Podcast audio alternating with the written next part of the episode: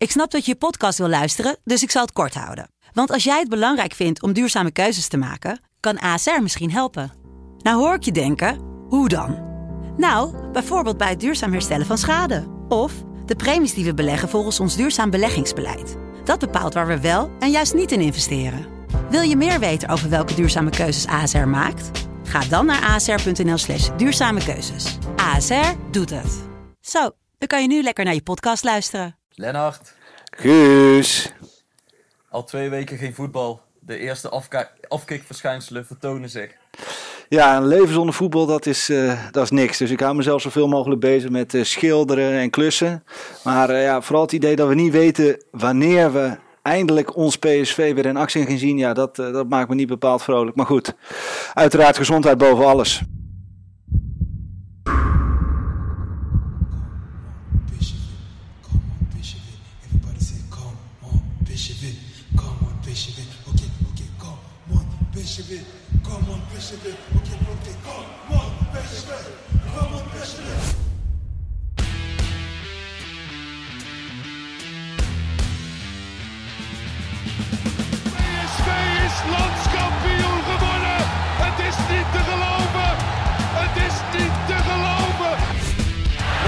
Wordt dit zijn derde? Wordt dit zijn derde? Dit is zijn derde. Wat een wereldgoal. 5-1. Lozano richting De Jong. Oh, De Jong! Oh, wat een mooie. Fenomenale goal van de, de Jong.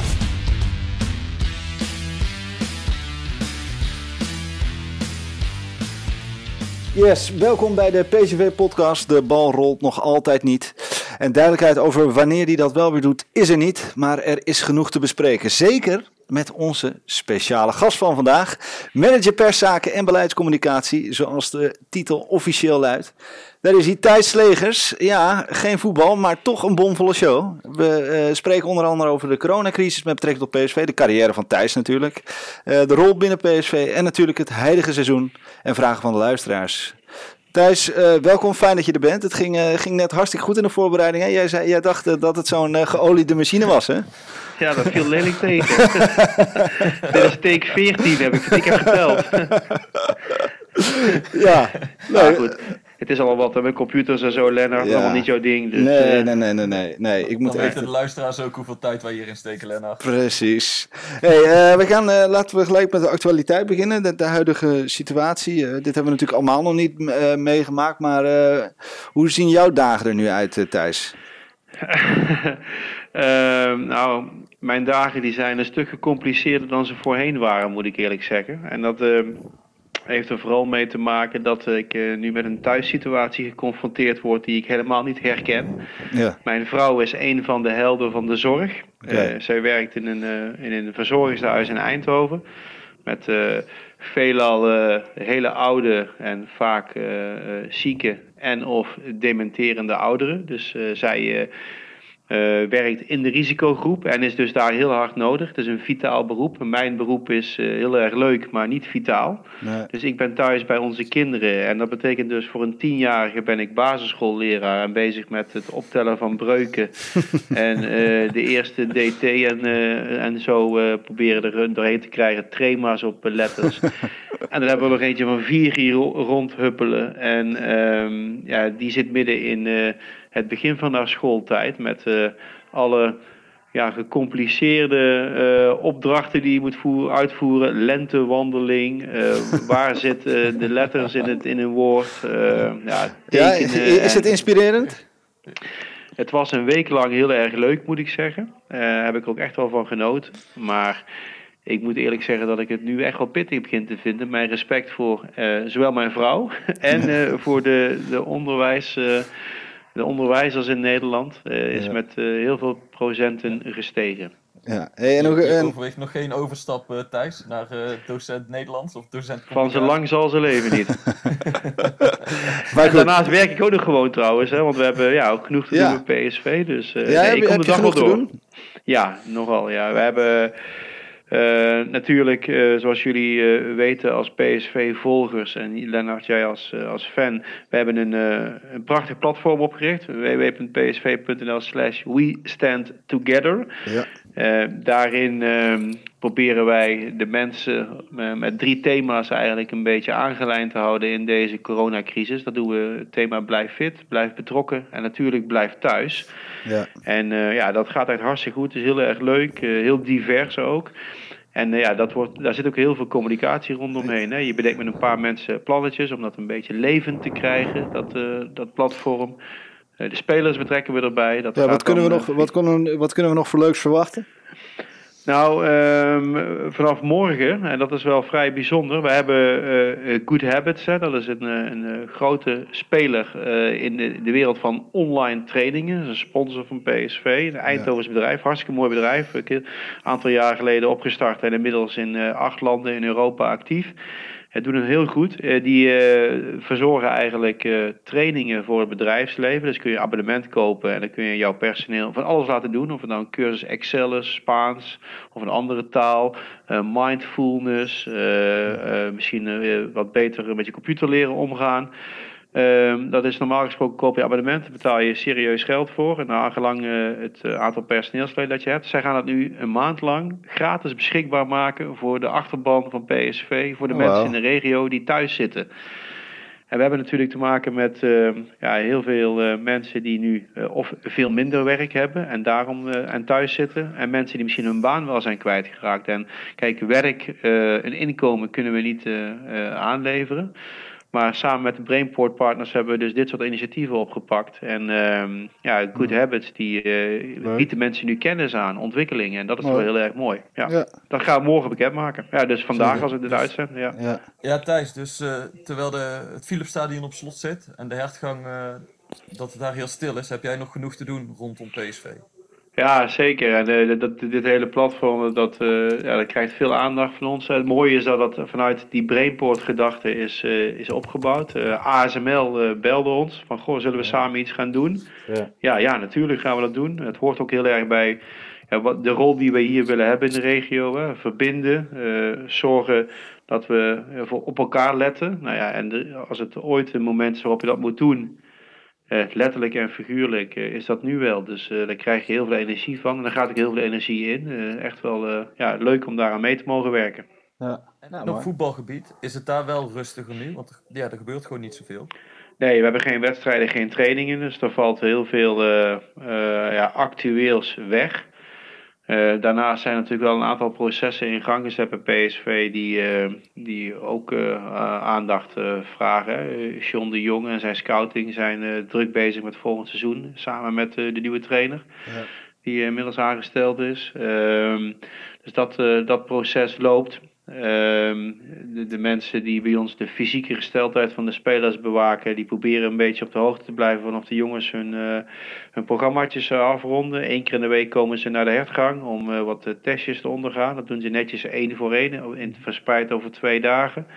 Maar ja, daar communiceren we verder ook niet over. Dus dat valt ook. Ja, heel veel voetbal gerelateerde dingen vallen weg. Alleen we krijgen nu bijvoorbeeld, ik dan, heel veel aanvragen vanuit de media die dan willen spreken met een voetballer die thuis zit om te vragen Ja, van tuurlijk, wat ben je aan het doen, hoe kom je de dagen door? Ja, dat is voor een speler leuk om het één keer te doen, eh, of twee Ja. keer misschien, maar die hebben natuurlijk ook geen zin om dat eh, drie keer in de week te gaan doen. Want, Maar eh, hoe het- vaak het is- spreek jij die jongens dan? Ehm, nou, ik heb iedere dag wel een aantal spelers op de WhatsApp, zoals dat heet dan. Of ook soms aan de lijn, FaceTime. Bijvoorbeeld eh, Doan zit eh, eh, ja, natuurlijk ook ver weg van zijn, van zijn familie. Hij heeft wel wat, wat vrienden in Nederland, dat natuurlijk wat langer hier is. Ja. Maar die, die bel je af en toe eens een keer zo, eh één keer in de twee, drie dagen even FaceTime. Hoe gaat het met je? Ja. En hoe gaat, Een het, beetje- hoe gaat het met hem dan? Is dat, is dat moeilijk Ja. voor hem, die periode nu? Ja, dat, kijk, het is, voor iedereen is het eh, moeilijk, maar als je alleen bent, eh, hij heeft geen partner, ehm, ja, dan is het ook net iets lastiger nog. Hè? En, eh, maar we hebben, kijk, het is ook typisch PSV, eh, onze teammanager Mart van de Heuvel, die heeft eh, ervoor gezorgd dat hij bij een, een, meneer die heel goed Japans kan koken, die werkt voor een, voor een Japans restaurant in Eindhoven, daar kan hij eten bestellen. Ja, maar- Dus hij kan toch ja, lekker het, het eten nemen dat hij, dat, dat hij prettig, waar hij zich prettig bij voelt. Nou, dat, dat maakt het zeg maar, in dit soort tijden net wat, wat makkelijker voor, Ja. voor zo'n jongen. Dus daar proberen we echt wel eh, ja, ons, ons best voor te doen om, eh, om die gasten ook eh, een beetje, ja, gemotiveerd is niet het juiste woord, maar gewoon een beetje bij ons te houden. Want Ja. ja. je, je moet toch een beetje ervoor zorgen dat ze, ja, dat ze niet helemaal wegkwijnen. Precies. Maar spreek jij die jongens dan ook over, eh, over hoe dat nu verder gaat met de competitie? Zijn Ja. zij zelf in onzekerheid? Eh, wat, wat denk jij?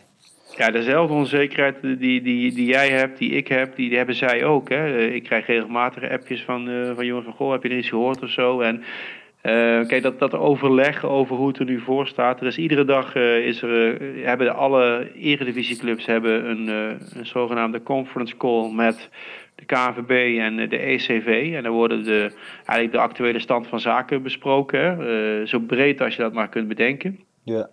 Als er nieuwe feiten zijn vanuit de RIVM, zoals die iedere week eh, meestal op dinsdag of maandag komen, eh, dan wordt dat ook meegenomen. Wat voor gevolgen heeft dat voor het eh, betaald voetbal? Ehm, ja, als, we, als daar dan dingen bij zitten die interessant zijn voor de spelers om te weten, dan delen we dat ook met ze. hè. Dat gaat via groepsapps natuurlijk heel makkelijk. Dan maken we een berichtje en dat gaat dan naar de teammanager en die, en die plaatst dat. En Schrok jij ook toen, toen Rutte zei 1 juni? Jij trouwens, Ehm. Ik, het niet. ik schrok wel namelijk. Ik dacht meteen, ja, daar gaat, daar gaat, eh, daar gaat PSV. Ja, dat dacht ik ook. Daar gaat het betaald voetbal inderdaad. Ehm, Ja, inderdaad. Maar voetbal. ik moet eerlijk zeggen, daar had ik al wel. Ja, ik, hou- ik hou daar al wel, al wel langer rekening mee. Ik had niet verwacht dat eh, dit heel snel opgelost zou zijn. Nee. Is dat, is dat jij, jouw verwachting, ja, Thijs? Dat het, dat het die kant op gaat met de stand van de competitie? Nou, ik heb met mijn, die, die drie scenario's die er nu zijn, ehm, die, eh, ja, die zijn nog steeds levend. Want tot 6 april gaat er eh, eigenlijk, tenminste zover ik weet, geen besluit worden genomen over eh, hoe nu verder. Ja. Maar wat wel een feit is, dat eigenlijk iedereen gebaat is bij duidelijkheid. Want ehm, ehm, ook, ehm, eh, zeg maar, ook als je nu zegt van nou, oké, we stoppen ermee, dit was het. En dan verzin je een modus van hoe je ermee omgaat hè, met de, de stand die op de ranglijst staat. Ja. Ja, dat is, duidelijkheid is beter dan onzekerheid volgens mij. Ja. En, eh, want dat, dat, dan kun je namelijk ook echt eh, scenario's, zo, hoe, hoe ga je het oplossen? Wat, wat, wat, wat, wat voor problemen loop je tegenaan op het Ja. moment dat je die laatste, wij moeten nog acht wedstrijden, niet, eh, niet speelt? En Ja, want nu je kan, natuurlijk ook niet, eh, je kan natuurlijk ook niet 6 april zeggen van... eh, Oké jongens, we kunnen volgende week weer beginnen. Eh, je kunt nee, het aankomen. sowieso niet. Nee, bij wijze van Nee. spreken. Hè? Dus, je hebt, dus je hebt ook een aanloop nodig eh, Ja. in, in training, toch? Neem ik aan. Zeker, ja, absoluut. Op het moment dat je weer mag gaan trainen met elkaar, dan moet je toch echt wel een paar weken ervoor uittrekken om helemaal op, op niveau te komen. Nou, Het zou een hele rare situatie als dat eh, zo is, want je had natuurlijk een aantal ploegen waar ik PSV ook onder, eh onder schaar, die toch wel eh, een redelijk lekker ritme te pakken hadden. Ja. Eh, met, met goede overwinningen of vele overwinningen. En eh, ja, dat, die, je houdt vast dat je dan eh, krijgt ehm, in die wedstrijden waarin het goed gaat of waar goede, goede resultaten boekt. Ja. Dit is afwachten of je dat daar nog hebt. Dus dat wordt wel interessant. Ja, Ja. ja ik, ben, ik ben ook wel benieuwd hoe ze het gaan oplossen. Want voor mij is het bijna ook ondenkbaar dat alle ploegen nog acht of negen wedstrijden gaan spelen. Maar ja, ga, ga je dan met een soort kampioenspool werken of met een degradantenpool? Eh, eh, of, of is dit dan zomaar de eindstand? Weet je? Hoe, hoe kijken Ja. jullie er tegenaan? Ja, kijk, eh, het, zijn- het is allemaal hypotheses, dat maakt het lastig, hè? Eh, als dit, al, als dat. En ehm, ja, ik denk dat het goed zou zijn als in ieder geval, eh, misschien wel mondiaal, maar zeker Europees gezien, omdat we ook samen nog allemaal Europees voetbal spelen of willen spelen. ehm, eh, dat het belangrijk is om, eh, om dat de UEFA in ons geval eh, de lead neemt en zegt van zo gaan we het doen. Ja. Want je moet het voor mij niet, eh, je moet niet krijgen dat eh, dadelijk eh, Duitsland het ene doet en eh, Tsjechië het andere en dan Italië weer iets anders. Ja. En, eh, dat, Ja, maar stel dat nou, dat, stel nou dat in Nederland inderdaad wel ja, de, de crisis, de corona eerder, hè, dat het onder controle zou zijn, zeg je alsnog. Wacht dan alsnog eh, op, op Italië en Spanje, want daar zijn, die zijn natuurlijk het hardst getroffen. Ja, maar je weet niet wat er nog meer gaat gebeuren. hè. Nee, nee. Eh, misschien zijn er nog wel landen waar het, eh, waar die zeg maar nu in de situatie zitten als waar Nederland 2,5 week geleden in, eh, in- Ja. in zat. Ik had van, ik had ehm, even kijken vanmiddag onze dokter, onze clubarts, eh, Wart van Zoes nog even aan de lijn. En eh, toen namen we even zeg maar de afgelopen weken door. En toen zei hij, kun je nog herinneren dat er mensen eh, ja, wat lacherig reageerden toen wij vertelden dat we geen handen gingen schudden voor een wedstrijd. Ja, Eh, we echt precies. nog... eh, ja, dat, eh, dat- ja dat, dat kun je je nu bijna niet meer voorstellen. Nee, ja, dat is Alleen, alleen in. Wit-Rusland doen ze het nog, hè? Ja, ja, ja, klopt. Ja. Ja. Ja. ik weet het ja. Ja. Maar goed, tot slot eh, betreft de coronacrisis, wat zeg jij eh, Thijs? Jullie, jullie wachten het gewoon, eh, jullie ke- bekijken het per dag en eh, jullie proberen je zo goed mogelijk. Ja, eh, proberen de jongens eh, eh, fit te houden. Dat is eh, voor ons het belangrijkste. Ja. En dan moeten we maar gewoon eh, ja, luisteren naar, waar, naar wa- wa- wat de overheid eh geadviseerd, wat RIVM ons vertelt. Ja. Want het is, de situatie is te precair om hier je eigen zinnen door te drijven. Nee, ja, dat is waar. Nou goed, ja, eh, jij bent natuurlijk manager perszaken eh, en beleidscommunicatie. Maar eh, als ik toch een beetje aan jou denk, Thijs, dan denk ik toch terug aan, aan die kruk bij VI als, P- eh, als PSV-watcher. waar ik jou daar zag zitten. Dus jij bent van journalist naar perschef gegaan. Hoe, hoe, hoe is dat gegaan? Heeft PSV jou benaderd? Ben jij zelf, heb jij zelf ervoor gesolliciteerd? Nee, ik ben gevraagd door, door- door Toon Gerbrands. Dat was aan het einde van het seizoen 2014-2015, zeg maar het jaar waarin PSV voor het eerst sinds een poosje weer kampioen werd. Het jaar met eh, Memphis en... ehm, eh, even kijken, met Wijnaldum? Memphis en Wijnaldum, ja. Ja. Eh, ik, ik, ik was PSV-watcher inderdaad voor Voetbal International. En ehm, ik had in de winterstop, was PSV op trainingskamp in Spaanse eiland. Eh, in de buurt van Maspalomas zaten ze. Ja. En ik probeerde zo'n trainingskamp, probeerde ik altijd eh, op een bepaalde manier eh, mijn werk te doen. Ik wilde altijd één verhaal maken dat zeg maar voor mijn lezers zou beklijven. Daar stak heel veel energie in. En ik had Toon Gerbrands, ik wist dat Toon van, van uitdagingen hield. Die had ik uitgedaagd om met mij een, een hike, een wandeltocht, naar het hoogste punt van het eiland te, te maken. En dat stond dan een beetje symbolisch voor eh, ja, de weg die PSV aan het afleggen was. Hè. Ze wilden weer terug naar de top. En eh, er, was eh, in die spelersgroep geïnvesteerd, onder andere met behoud van, van Memphis en, en Genie. Ja. En nou, dat hebben we, er, was een, er werd een wandeltocht van uiteindelijk bijna 4,5 uur. Dat duurde iets langer dan wij gedacht hadden. en dan moesten we ook nog eens een keer anderhalf uur heen en anderhalf uur terug in een busje. Want je kon er zeg maar niet bij je hotel starten. Maar je moest echt ergens midden in het eiland starten en dan het hele eind omhoog. Nou, en later heb ik toen van Toon gehoord dat ja, in dat gesprek hebben wij eh, over van alles gesproken. eh, over PSV, maar ook over hoe ik tegen journalistiek aankeek en hoe ik aankeek tegen, eh, tegen PSV. En, en volgens mij is dat een soort van, is dat gesprek bij Toon blijven hangen. En toen belde hij mij ja, een week na de titel van PSV. En ehm, toen zei hij tegen me van, goh, wil je eens langskomen op het stadion? Ik wil iets met je bespreken. En eh, hij zei er meteen bij, eh, als het antwoord nee is, dan eh, heeft het gesprek niet plaatsgevonden. Hey. Dit- maar ik, ik dacht, ik was niet helemaal scherp, want ik, ik, ik ging nadenken, heb ik nou iets geschreven wat ze heel erg vervelend vinden? Ja, ja, ja. Zo, zo, dat gebeurt ook wel eens natuurlijk. Ja. Maar ik kon eigenlijk niks bedenken en toen ben ik daar naar binnen gegaan en toen, eh, toen zei Tom, ja, we willen graag ons, ons communicatiebeleid gaan hervormen. En we denken dat jij de aangewezen persoon bent, wil je dat? En eh, ja, toen heb ik eh, gezegd dat ik daarover na wilde denken. Eh, want ja, het is natuurlijk wel een stap. Hè. Als eh, journalist dan heb je toch een bepaalde rol in dit hele gekke voetbalwereldje. En als je dan onderdeel gaat uitmaken van het voetbal, ja, dat is toch wel. Ja, van, ik, ik, ik heb het altijd omschreven als een stap van de zijlijn naar de kleedkamer. Ja. Is toch wel iets waar je over na moet denken. Want ik, ja, als je eenmaal je, je, je job als journalist opgeeft, dan denk ik niet dat je heel snel nog terugkeert in, eh, in, dat, in dat vak. Nee. Ehm, maar ik ben ook wel iemand die heel erg eh, intuïtief is. En eh, ik had wel direct meteen een, een lekker gevoel in mijn buik. Ik vond het wel eh, echt wel een hele mooie uitdaging om maar eens een cliché van stal te halen. Waar, waar kwam dat gevoel vandaan thuis? Wat, wat, wat maakte dat Ja, zo? ja, was jij al, was jij eh, eh, als journalist moet je, kan je natuurlijk nooit echt eh, voor een club zijn, maar had je een voorliefde voor PSV al? Nee, maar ik kom hier wel uit de regio. Hè. Ik kom uit Hezen, een dorpje hier vlakbij. En, eh, dus ik ben opgegroeid in PSV-land. En kijk, als journalist eh, heb je... eh, ik ben vanaf mijn negentiende voetbaljournalist eh, geweest. Ik ben tijdens mijn studie eh, journalistiek bij VI gaan werken.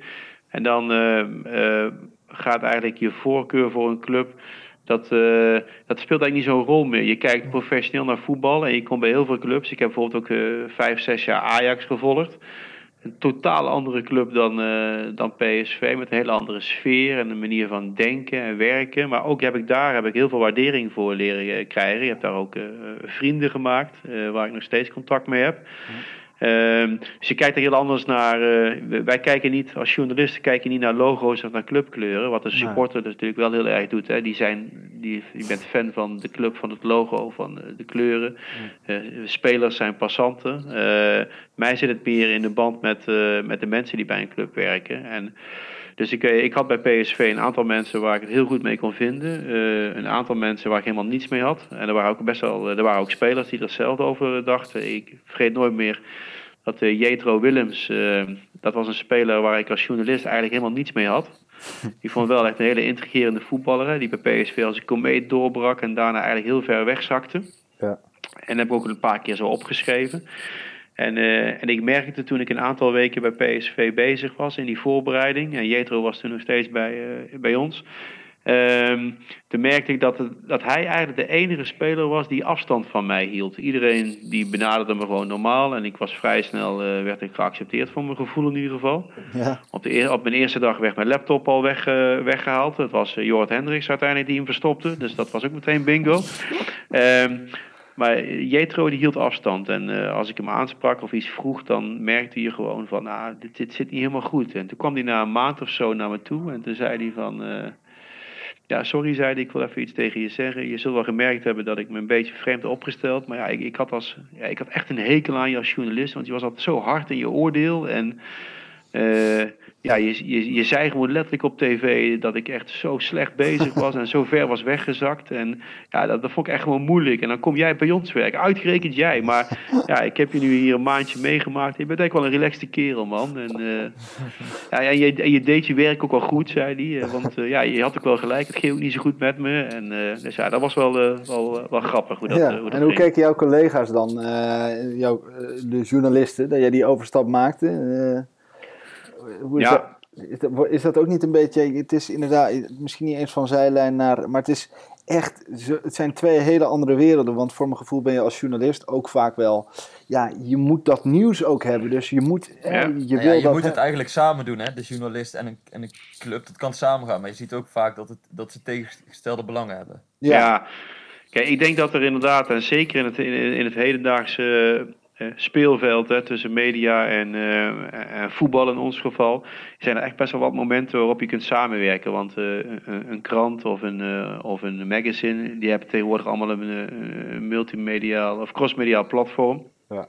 En die eh, zitten enorm verlegen om, eh, om content. Nou, wij hebben als club heel veel te delen. Eh, we doen heel veel zelf, maar we willen ook heel graag dat de buitenwacht aandacht schenkt aan dingen die bij ons eh, gebeuren. Eh, dus heel vaak zoek je elkaar ook op. Hè? Eh, en dan heb je zeg maar gedeelde belangen. Zij kunnen met eh, zo'n verhaal of een video-item of iets anders kunnen ze gewoon mensen naar hun platform betrekken. Dat is voor interessant. Nou, wij hebben aandacht, PR-waarde zeg maar. Dus dat vindt elkaar regelmatig. Maar ja, het is inderdaad wel een. eh, er zijn ook eh, momenten waarop je conflicterende belangen hebt. En eh, ik probeer altijd wel. ehm, eh, eh, zeg maar, dat, te scheiden. Kijk, ehm, ik heb voor mij nog nooit. Maar tenminste, ik kan me niet herinneren. Een journalist aangesproken op zijn mening over voetbal.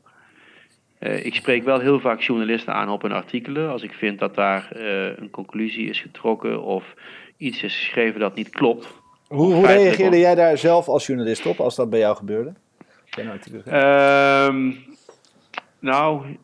Dat ik zo zeggen, als het gebaseerd was op feiten, als ze mij konden aantonen dat ik feitelijk mis zat, dan eh, ging ik wel door het stof.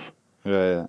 En eh, dat zal dus niet altijd meteen zijn geweest. Maar ik denk dat ik wel een, een wat dat betreft, eh, omdat ik zo lang journalist ben geweest, wel een andere benadering heb dan heel veel andere voorlichters. Want ik, ik, Zie jij het als Ik een weet voordeel, dat er- Thijs?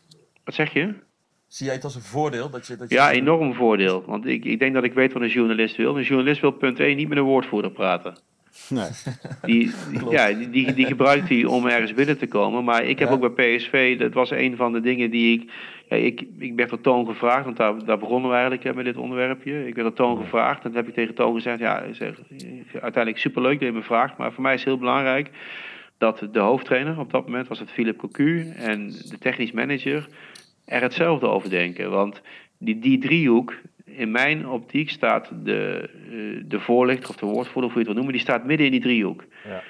En die drie eh, hoofdpersonen, eh, CEO, technisch directeur en hoofdtrainer, die voeden die voorlichter of die woordvoerder zoveel en zo goed mogelijk, zodat hij of zij zijn werk goed kan doen. En ehm, ja, ik denk dat ehm, als je. Als, maar ik, heb als woordvoerder tegen PSV gezet. En ik wil ook dat ehm, de specialisten moeten aan het woord zijn. Het moet niet zo zijn dat eh, als wij bijvoorbeeld een issue met ticketing hebben, ik noem maar wat, hè, dat het eh, apparaat voortdurend vastloopt en dat supporters klagend eh, voor de deur staan dat ze geen kaartjes kunnen kopen. Ik heb daar geen zak verstand van. Nee. Dan moet het hoofdticketing naar voren geschoven kunnen worden. En als diegene daar niet gewend is, dan help ik hem daar natuurlijk bij. Ja. Maar ik vind dat de specialist moet praten. Dus als, eh, als het gaat over commerciële zaken, dan moet Frans Jansen naar, naar het front. En die wordt dan door mij ingezet om, eh, om te vertellen wat we aan het doen zijn. In goede en in slechte tijden. Eh, als het gaat om algemeen beleidszaken, dan Toon Gerbrands. En in technische zaken is het nu Sean de Jong. En, ehm, maar zo gaat het de hele organisatie door. Als iemand, als een journalist eh, eh, mij vraagt van... eh, goh, Thijs, jullie supporters die hebben zich misdragen in, in Madrid. Ze hebben muntjes gegooid naar, naar, naar zigeunerzwervers. Dan wil je toch niet van de woordvoerder horen hoe PSV erover denkt. Nee, dan wil je Toon Gerbrand spreken. Nou ja, en dat heb ik bij PSV voorgesteld om zo te gaan werken. En daar hebben ze gelukkig naar geluisterd. En daarom denk ik dat eh, eh, de meeste journalisten eh, heel graag bij PSV komen. Omdat ze eigenlijk altijd degene te pakken krijgen of te spreken krijgen die ze nodig hebben voor een stuk. En ik probeer dan wel een beetje goede banen te leiden. Ik hoef niet voor die camera. eh, of eh, Je voor die een beetje de schakel, hè? De schakel tussen de Ja. club en de, en de... Is dat, want vaak gaat dat goed, maar het kan ook natuurlijk schuren, hè? Als het, als het om artikelen gaat waar je het niet mee eens bent of, of dat het volgens jullie niet klopt. Vind je dat moeilijk? Want het zijn toch ook je oud-collega's waar je dan mee... eh conflict Nou, nee, dat vind ik niet zo moeilijk. Kijk, ik ben wel heel erg blij, moet ik eerlijk zeggen, dat ik eh, in deze baan ben gerold eh, ja, na mijn 35ste met eh, bijna 20 jaar. En even kijken, ik was, even goed zeggen, ik was 38 toen ik bij PSV begon. Ehm, ik had bijna 20 jaar ervaring in de journalistiek. Ehm, EK's gedaan, WK's gedaan, topclubs gevolgd, Oranje gevolgd. Dan weet je wel, eh, en dan wil ik niet een beetje blasé overkomen, dan weet je wel hoe het werkt in de journalistiek. Dus eh, ik heb er niet zo moeite mee om een collega eh, aan te spreken als er iets niet klopt in zijn stuk. Of dat nou Jaap de Groot was in zijn column op zaterdagochtend, of Johan Derks op maandagavond op televisie, Ja. of Guus Peters van de Volkskrant. Of de, de- de- nee, dat, dat maakt mij niet zoveel uit, want ik denk dat de meesten wel weten dat ik het ehm, ja, dat ik niet doe om hun te koeieneren of zo. Eh, dat ik gewoon opkom voor mijn werkgever, dat is één. En als het gaat om een artikel dat je eh, van tevoren ter inzage krijgt, wat gebruikelijk is in de voetbaljournalistiek, ja, dan, dan haal je, dan praat je over feitelijke onjuistheden. Ik denk dat iedere journalist een verhaal wil waarin zoveel mogelijk eh, feiten goed staan, toch? Ja. Guus? Nee. Ja, ja Guus? Nee, mee eens, nee, mee eens. Tuurlijk, maar het kan af en toe schuren als, als, als, als een- een woordvoerder net iets anders ziet dan een journalist. Ja, wij, wij, hebben het wel, wij hebben het gehad over dat eh, ding eh, tijdens die persconferentie. met wie had je toen ook alweer dat? Hoe ga je daarmee om? Dat was die ruzie met was het Bert Maalderink? Bert Maaldering van de Ja. Nos. Dat, was ook een, dat was ook een vraag van de luisteraar, van een van de Ja. Ehm, even kijken of ik hem... Oh ja, hier van Provi. Hoe kijkt Thijs terug op het incident met Bert Maalderink? Ja, ik sta er eigenlijk nog steeds hetzelfde in als, eh, als destijds. En ehm, laat ik zo zeggen, ehm, Bert Maaldrink die heeft in Nederland een bepaalde reputatie. Hè? Eh, Ja. Zo'n ehm, verslaggever eh, die je nooit in beeld ziet, maar waar iedereen zijn stem van kent. Ja. En ook zijn manier van, eh, van interviewen Absoluut. is vaak eh, best wel vermakelijk. Maar het gaat mij, ehm, ging het in dat geval om ehm, het feit dat, het, dat ze geen rechterhouder waren bij de, bij de Europa League. Dus zij schuiven dan dus aan bij een persconferentie waar een ieder zijn vragen mag stellen. Ja. En wat ik dan altijd doe bij die persconferentie, dat doe ik ook als we met eh 9-0 gewonnen hebben. Ik hou een beetje, ik hou bij hoeveel vragen iemand stelt. En eh, ik wil zeg maar dat er eh, in zo'n persconferentie eh, moet sowieso iedereen aan bod komen. Dat is, eh, eh, dat is zeg maar het allereerste uitgangspunt. Eh, ten tweede eh, vind ik het niet, niet nodig eh, als het gaat als iedereen gelijk is in zo'n zaal. Als je dus geen rechthouders hebt, alleen maar non-rights holders. Dat, eh, dat, dat men dat niet eentje ieders gras eh, gaat wegmaaien, om het zo te Ja, noemen. hij vond, hij vond dat hij meer tijd. Hij, hij vond, omdat het slecht ging met PSV toch, vond hij dat hij wel Ja, even... Dit was, dit was wel een momentje, omdat het was na die 4-0 nederlaag tegen Sporting. ja. En dan kijk ik even vanuit de journalist inderdaad. En Bert die is dan eenmaal op gang. En die heeft een gesprek met Van Bommel en dan wordt hij afgekapt. En dan Mhm. denkt hij van ja, maar dit is toch een moment om, Ja. om daar eens een keer goed Ja. over te praten. En, en Precies, maar dat, eh, maar dat had Mark ook al gedaan bij, eh, even goed zeggen, Fox en Veronica uit mijn hoofd. Of RTL, denk ik, RTL. Daar had hij al eh, twee van eh, dit soort eh, gesprekken gevoerd. Dus het is niet zo dat het eh, ging om het beschermen van de hoofdtrainer. Want hij had al twee keer live op tv gestaan en exact dezelfde vragen gekregen. Dus het is niet zo dat eh, de kijker thuis iets onthouden werd waar ze recht op hadden. Maar kijk, Ja. eh, Maalderik bev- begon bijvoorbeeld van hoe is het met je? ja. Ja, Ja. zoals hij dat doet. Ja, ja, dat Ja, is heel- precies. Ja. En eh, ja, Ja, hij, het is ook wel een ja. zuiger natuurlijk. Hij, hij- Ja, precies. Het is zuigen en, ehm, en de, ja, ik vind niet dat je dat altijd toe hoeft te staan. En nogmaals, omdat er ook al twee andere gesprekken waren geweest live op televisie, ja. waarin eh, heel Nederland had kunnen zien hoe Kloten van Bommel zich voelde en Ja. hoe die PSV gezonken was die avond. eh, vond ik het nodig om, eh, om het op die manier te doen. En er zaten ook nog ja, vier, vijf andere mensen in de zaal met, hun- met hun hand omhoog. En eh, ik heb eh, later, na die persconferentie, ben ik Maalderink nog tegengekomen eh, in, de, in de mixzone. Waar hij ook gewoon nog spelers van PSV kon interviewen. En toen kwamen we er even te spreken over dat incident. Ik zei, Bert, sorry, ik, zei, ik, ik, ik snap dat je geïrriteerd bent, maar ik sta daar volledig achter. En Ja. toen werd hij een beetje boos. Ik zeg, weet je wat we? Ik zeg, je, je moet het gewoon volledig online zetten. Ik zeg, mij heb je er niet mee, maar dan kun je misschien nog een leuk item maken. En ja, dat heeft hij gedaan vervolgens. En ja, dan krijg je eh, zeg maar eh, best wel wat journalisten over je heen. Want dan Ja. wordt er meteen eh, gezegd van ja, en dat is beperking van het, het recht van een journalist. Ja, daar ben ik het nog steeds niet mee eens. Maar dit is een onderwerp waar, waar we net over hadden, waar het misschien wat, wat schuurt. De, het belang van de club en Ja. de wens van, de, van de journalist. Maar ik, ik, ik zou mij er er zou mij echt iets te verwijten zijn geweest als ik zeg maar niemand zo ver had laten gaan. Alleen er waren dus al twee mensen voor Bert live op tv met Van Bommel in de slag geweest.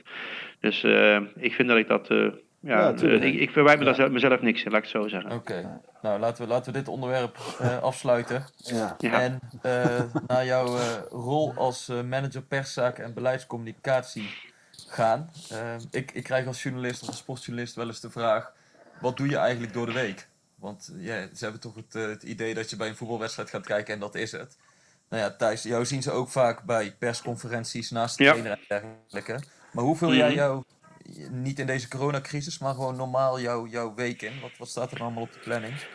Ehm, nou, ik ben eh, eigenlijk aanwezig bij, ehm, bij of voortdurend op de hertgangen. Eh, bij alle trainingen ben ik niet lijfelijk aan de zijlijn aanwezig, maar ik werk gewoon op de hertgang. Daar heb ik mijn kantoor.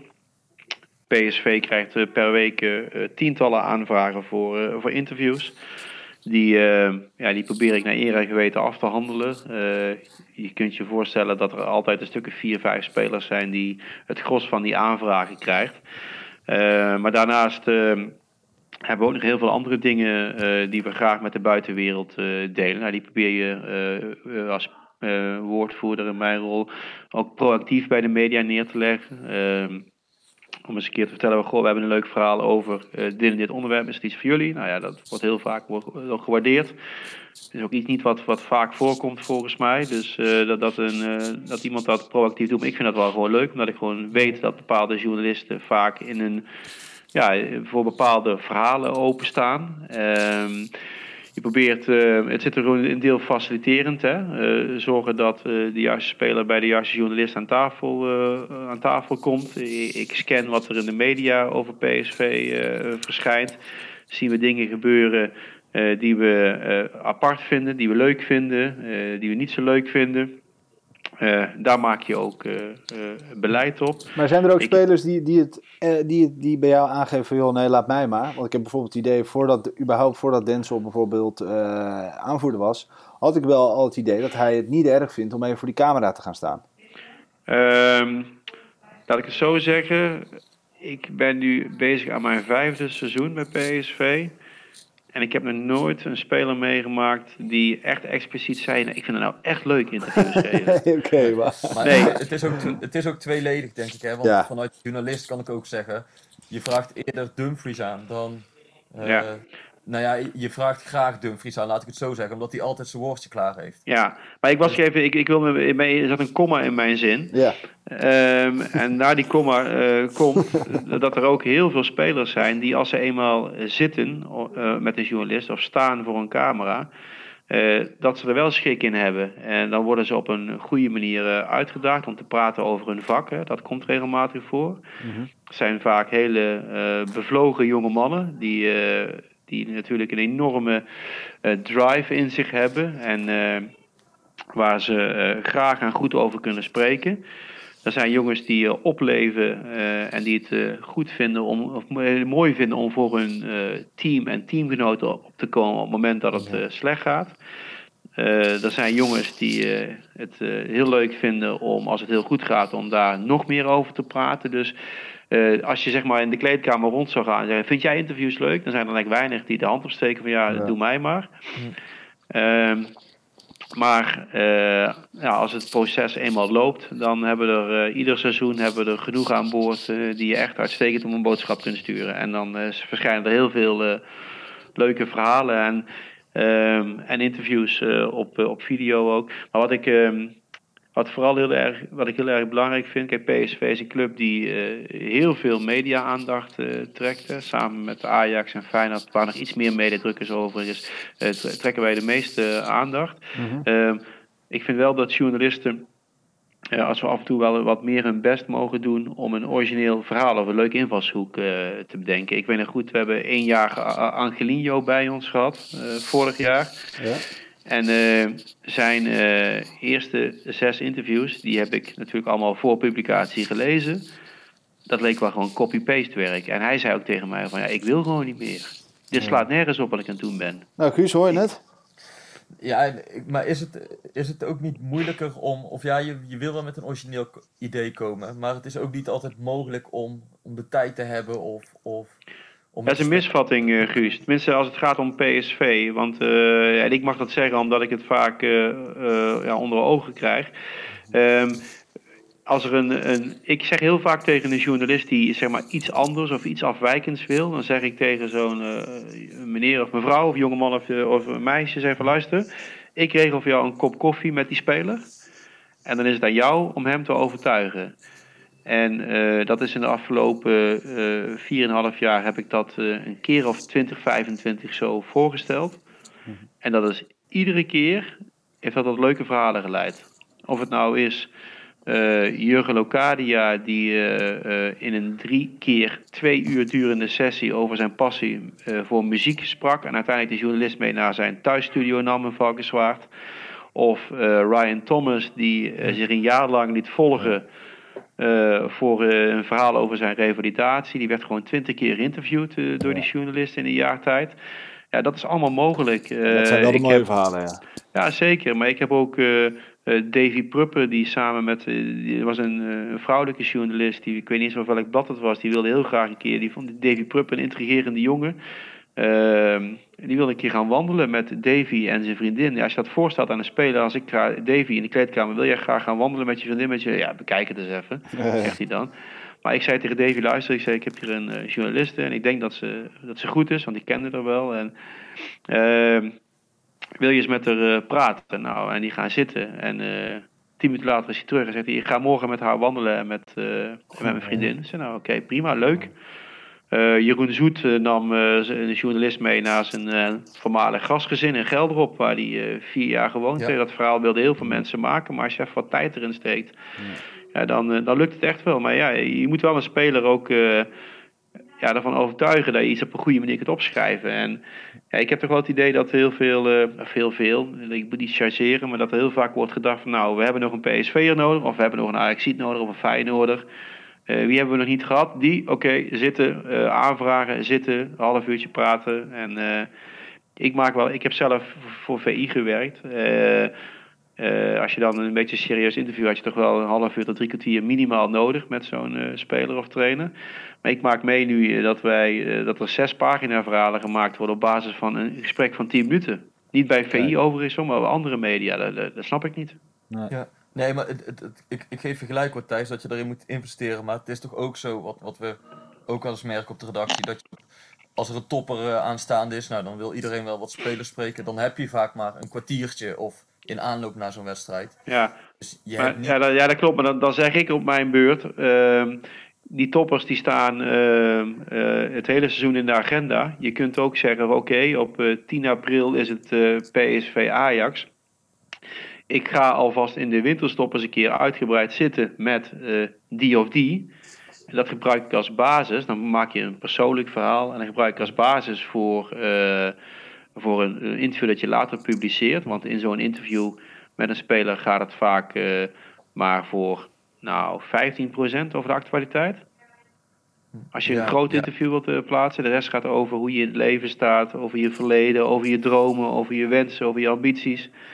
Uh, over uh, je nationale ploeg. Uh, dat kun je allemaal van tevoren maken. En dan ga je, bij wijze van spreken, in de week voor zo'n wedstrijd, heb je genoeg aan, aan acht minuten mixzone. Ja, natuurlijk. Ja, worden de spelers nou getraind in de media? Of, of, nee. of, of hè, is er een bepaalde is er, zijn er, is er een bepaald A4'tje waar ze weten waar ze zich aan moeten houden? Of, nee, nee, nee, ik geloof um, niet in mediatraining tenminste niet een traditionele mediatraining met jongens in een klaslokaal en, uh, en zeggen van uh, dit mag wel, dat mag niet. Uh, wat ik heel erg belangrijk vind is dat spelers uh, zichzelf kunnen zijn. Dat betekent dus dat je er rekening mee moet houden dat een jongen van 17 of 18 jaar wel eens een keer iets, iets onverstandigs zegt of doet. Ehm, daar, daar, stuur je vervolgens op bij. Dat doe ik in, uh, in tientallen één op één gesprekken die ik uh, door de week uh, voer. Ik ontbijt s ochtends met de jongens, ik lunch middags met de jongens. Ja. Ehm, dan klets je over alles en nog wat. Wat gebeurt er in de maatschappij? Wat gebeurt er in de eredivisie? Wat gebeurt er hier? Wat gebeurt er daar? En dan zeg je van, hé, hey, ik zag je van de week voor een camera staan, maar je had een hele grote bon kauwgom in je mond. Dat moet je de volgende keer niet meer doen, hè? nee, en, en, en, en dat vergeet je niet wel meer. of niet kunnen zeggen na een wedstrijd of na Nee, ik heb wel eens met. Uh, uh, ik, ik reik die jongens altijd eventjes uh, een, een trainingsjas of als het kouder is, een warme jas aan op het moment dat ze naar, voor de superflash naar Fox lopen. Of na, na de wedstrijd in de mixzone naar de rechthouders en daarna naar de andere media gaan. En dan loop je met ze mee en dan is er wel eens een speler die zegt van goh, ik heb het zus en zo gezien, wat vind jij? Ja. En uh, dan zeg ik van, nou ja, dat heb je al vrij goed gezien. Maar vergeet niet, uh, zij hebben ook drie grote kansen gehad. Of uh, wij hebben nog twee ook hele enorme kansen gemist. En dat doe je wel, maar ik zeg nooit tegen Denzel Dumfries van... Denzel, wat er ook gebeurt, je moet het publiek bedanken. Nee, nee, nee. Dat slaat natuurlijk nergens op. Die, kijk, in die kleedkamer zitten 24, 25 jongens. Die hebben allemaal een eigen karakter. En ik wil dat ik, als ik ze uh, op televisie zie, of op video, of ergens een stuk van ze lees, dan wil ik dat ik dat karakter terugzie.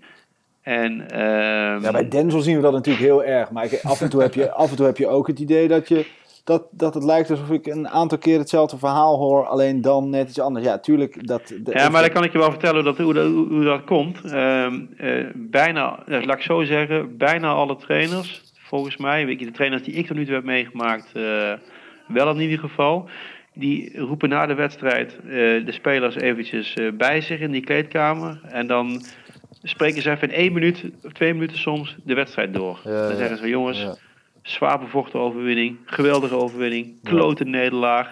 Ja. Uh, uh, we hadden, uh, dit hebben we echt aan onszelf te danken. Of dit hebben we echt zelf gerealiseerd. Hè, positief en negatief. Ja. Uh, en dan geeft de trainer geeft de spelers een paar dingen mee. Ja, en en ja, die onthouden ze natuurlijk ook. En dan gaan ze ondertussen gaan ze, met elkaar kletsen. En dan, god, jij die kans en dit en dat. En sommige spelers die hebben al eh, zes, zeven collega's eh, gesproken over die wedstrijd. Nou, dan Ja. vormen ze een mening. Ja, dat is. En, eh, en vergeet ook niet, hè, het is direct na. Voor sommigen is het, die staan binnen. Kijk, de, de aanvoerder of de man van de wedstrijd bij PSV. Want bij ons mag Fox mag, vrijheid kiezen wie ze willen spreken. Ehm, die staat binnen één minuut na het laatste fluitsignaal voor een camera. Ja. En eh, de anderen die naar de rechterhouders moeten, naar Nos en Fox, die staan binnen acht minuten voor een camera. Ja. Ja, dat is niet, dat is niet makkelijk hoor. ja, het kan ook zomaar zijn dat ze voor de camera staan bij eh, onze beste vriend eh, van de show. En on- ook onze enige vriend van de show, Rick Elfrink. Eh, Ja. En zoals je van ons gewend bent, heeft Rick natuurlijk ook zijn eigen rubriekje. Rick, kom er maar in.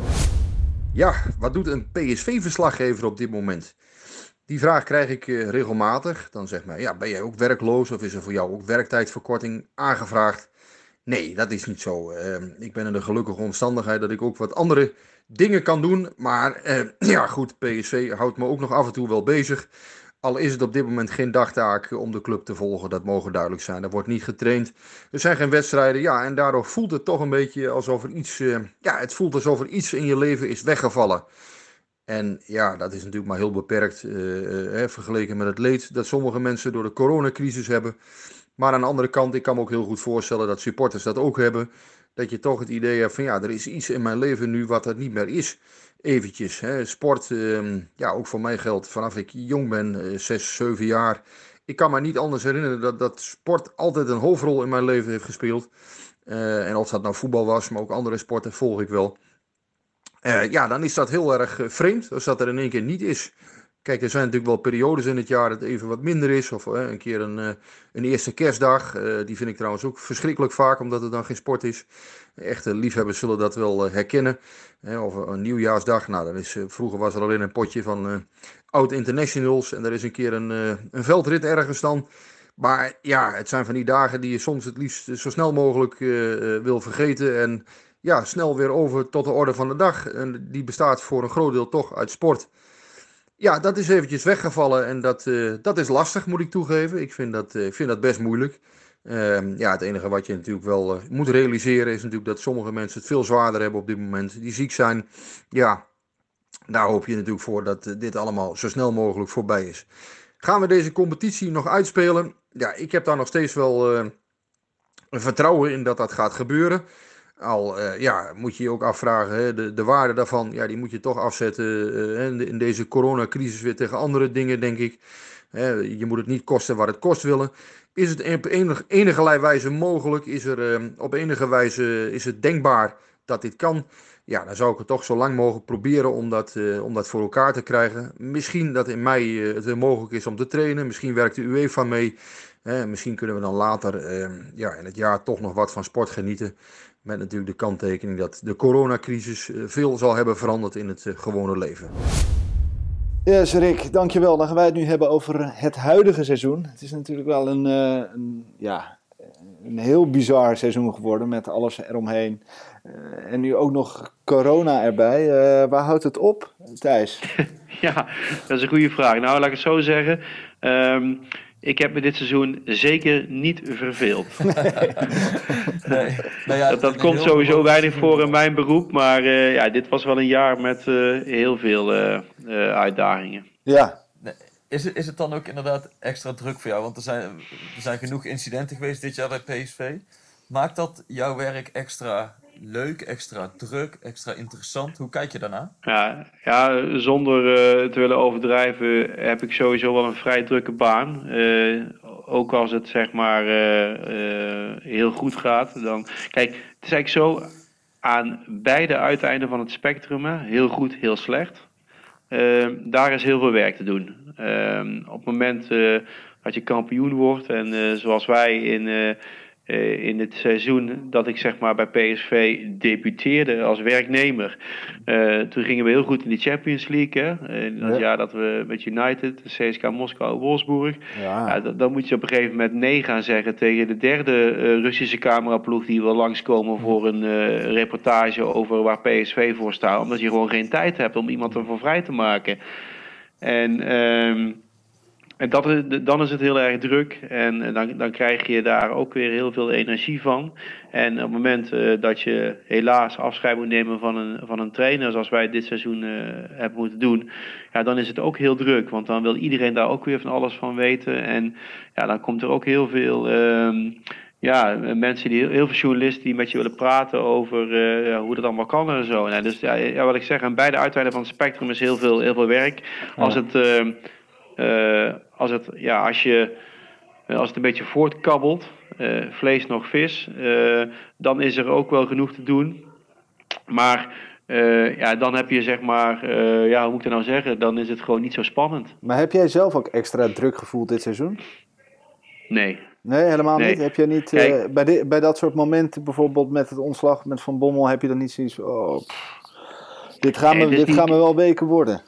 Nou ja, ja, wel, zeker wel. Uh, natuurlijk uh, uh, denk je dat. op het moment, ja, als je zoiets. Het was mij de eerste keer dat het, dat het gebeurde. Dat een, dat een trainer moest vertrekken uiteindelijk. Voor de eerste keer in een diepe, in een diepe crisis. Want de crisis onder Cocu ja. van twee jaar eerder, zeg ik dat goed? Ja, twee jaar eerder die heb ik uh, niet helemaal bewust meegemaakt, omdat ik door een herseninfarct geveld was. Uh, de uh, rampwedstrijd in Oziek, die heb ik niet meegemaakt. Toen lag ik in het ah. ziekenhuis. En dus dan beleef je toch wat anders. Ehm, en gelukkig kwam het dan ook wel goed. En nu heb ik het in, ja, in full effect meegemaakt. En ja, dat was, dat was bizar. En nee, die levert niet een bepaalde druk op. Ik kan nog wel ja, vrij goed uh, uh, ja, inschatten wat mijn rol is in zo'n geheel. Hè. Uh, ja. Ik ben niet degene die de opstelling maakt. Inderdaad.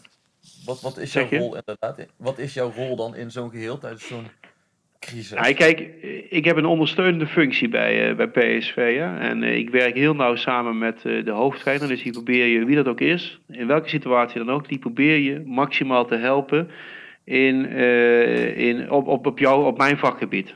Ja. En, um, ja, en ik zit dicht op de hoofdtrainer. Uh, dat had ik bij Philip, uh, bij Mark en ook nu bij, bij Ernest. Ernest heb ik deze week alweer drie of vier keer gesproken, ondanks dat we geen trainingen en wedstrijden hebben. Um, ja, je probeert zo iemand gewoon in, in, eh, in, in alle opzichten te helpen bij zijn, uh, misschien wel bij zijn communicatie. En er wordt regelmatig om mijn mening gevraagd uh, door die mannen. En niet over uh, wie moet ik rechts buiten zetten of wie moet ik linksback maken. Of, ja. maar, maar wel over alle andere dingen. zullen misschien een keer dit of een keer dat. En ja, daar probeer je dan naar eer en geweten te helpen. En um, zoals een voorbeeld geven, ja? Van wat, wat, wat willen ze dan van jou weten of welk advies vragen ze dan? Uh, nou, bijvoorbeeld als het gaat om, het, uh, uh, om een aanvoederschap, dan wordt er ook gevraagd aan mij van wie vind jij dat zich goed presenteert? Wie kan dat goed? Want een aanvoerder van PSV die krijgt ongeveer zeven keer zoveel media te verwerken als een speler die gewoon, gewoon tussen haakjes in de basis staat. Ja. Nou ja, en dan, dan, geef je daar je, je mening over. En wie, of die vraag, ze wie denk je dat erin kan groeien in die rol? En zonder in te gaan op, op naam, want ik vind niet dat ik dat moet, uh, moet doen. Ja. Uh, maar ja, dat soort dingen uh, worden er aan mij gevraagd. Of op het moment dat, het, dat het lastig gaat bij een, bij, een, bij een ploeg of bij een selectie. dan kun je niet iedereen zeg maar, naar het mediafront sturen. Want sommigen die kunnen gewoon niet overweg met lastige vragen. Nou, en dan maak je met de trainer een plannetje van... Goh, wie kunnen er nou wel goed voor gebruiken? Wie is gewoon altijd uh, cool en collected? Wie laat zich niet zo snel in de hoek drijven? Nou, zo probeer je uh, dat een beetje te stroomlijnen. Je moet natuurlijk wel nadenken. Over, kijk, als er, uh, zo rondom het ontslag van Van Bommel heb je uh, Mo Iatare niet heel veel gezien. Hij heeft in de winterstop heeft hij eventjes met de NOS gesproken. En, de, en de, de, schrijvende pers die mee was naar, naar Qatar. En dan praten ze ook met hem natuurlijk over het ontslag. Maar je gaat dat niet voortdurend doen. Want als een jongen van 17, 18 jaar, die jongen eens een keer met een groot persoonlijk leed kampt. En uh, ja, die moet je dan niet uh, voortdurend confronteren met vragen over het ontslag van een trainer. Nee. Dus daar moet je wel over nadenken met elkaar. Nou ja, en, en daar help ik de hoofdtrainer mee. eh, daar help ik de directie mee om dat soort, eh, om dat soort keuzes te maken op een goede maar manier. dan, dan, dan toch heel even inderdaad, de, de, omdat je, ik vond het wel mooi dat je als voorbeeld gaf, je, je, nou ja, je, je wordt om advies gevraagd wie er eventueel een goede aanvoerder zou kunnen zijn, communicatief ook. Rosario is aanvoerder geweest, maar nou, iedereen kon zien dat hij daar toch wel wat moeite mee had om, om, om zich te presenteren. Praat jij dan ook in zo'n geval met, met een aanvoerder of, of geef je hem tips of laat je dat helemaal aan de trainer over? Nee, kijk, eh, even eh, goed stellen. Kijk, eh, mij wordt gevraagd van, ik, ik, ben, ik kom wel veel in de kleedkamer, maar ik zit niet letterlijk in die kleedkamer te observeren. Dus ehm, de trainer die komt dan naar mij toe en zegt van, goh, ik speel met deze gedachte, wat vind jij? Nou kijk, Pablo Rosario, die kan zich uitstekend verwoorden in, in de media. Alleen hij was aanvoerder van een ploeg die op een hellend vlak kwam. Van- een ploeg die op een hellend vlak kwam. En krijg je iedere keer dezelfde vraag: hoe kan dit nou? En hij voetbalde zelf ook niet helemaal zoals hij wil voetballen. Dus dan gaat het nogal snel als je dan gewoon rustig blijft, zoals Pablo. Pablo, eh, eh, er was weinig emotie eh, bij hem. Hè, dat. Hij kan heel goed rustig blijven. Ja, dat vinden mensen niet fijn. Want ze willen een speler zien die vloekt of moppert. Of die, eh, waar je de, de stoom uit zijn oren komt. Als, het, eh, als je gelijk hebt gespeeld bij, eh, bij Sparta of weet ik veel wat. En Pablo bleef altijd cool. En dat begrijpen mensen niet. En als hij dan ehm, niet de sociaal wenselijke antwoorden geeft op zo'n moment. Ja, dan is het in één keer een slechte aanvoerder. Maar een aanvoerder is iemand eh, die eh, naar de buitenwereld toe eh, het team vertegenwoordigt. Maar ook in de binnenwereld bezig is om eh, de ploeg te leiden. Ja, want Nou, het en- schijnt dat Pablo juist heel goed was, of nog steeds natuurlijk, hè, dat eh, hij ligt heel goed binnen de groep. eh, eh, ehm, maar voor de buitenwereld is dat een soort van iets. Het is bijna niet. Mensen begrijpen dat niet. Ik heb, we hebben dat wel meerdere keren ook gezegd. Ook omdat we toen de broer van eh, Cody, eh, Gakpo, in de, uit, in, de, Ja. in, de, in de show. Die zei ook: ja, maar eh, hij is echt goede voetballer en dit en dat. En ik hoor het eigenlijk binnen PSV.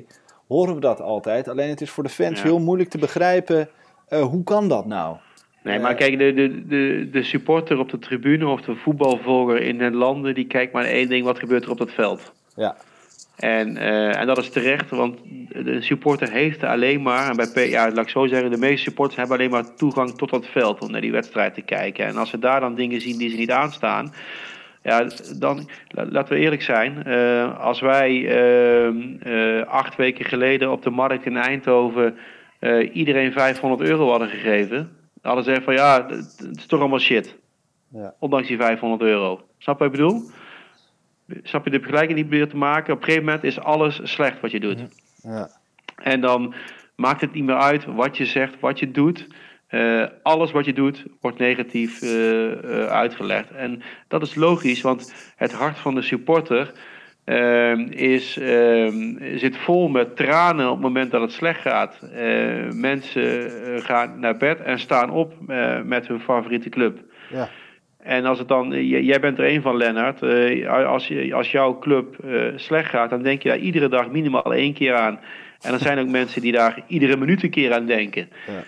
En dan moet je niet onderschatten dat hun gevoel, eh, zij zoeken dan iemand, eh, een zondebok. Ja, en als dat dan die, die jongen is die na die wedstrijd voor die camera staat. Kijk, vergeet niet, hè, eh, een van de beste boegbeelden van de afgelopen tien jaar van PSV is Luc de Jong. Maar ook hij is op een gegeven moment weggehoond na een wedstrijd. Ja. Omdat hij niet scoorde. Hij had heel veel eh, eh, waarde voor PSV, maar hij scoorde te weinig, vond men. Hij miste kansen. En toen werden zijn interviews ook in één keer slecht. Ja. En dat klopt natuurlijk niet. Die, die, zijn, die waren gewoon eh, bijna hetzelfde als toen wanneer hij wel scoorde. Alleen als hij de verpersoonlijking is van het falen van een elftal.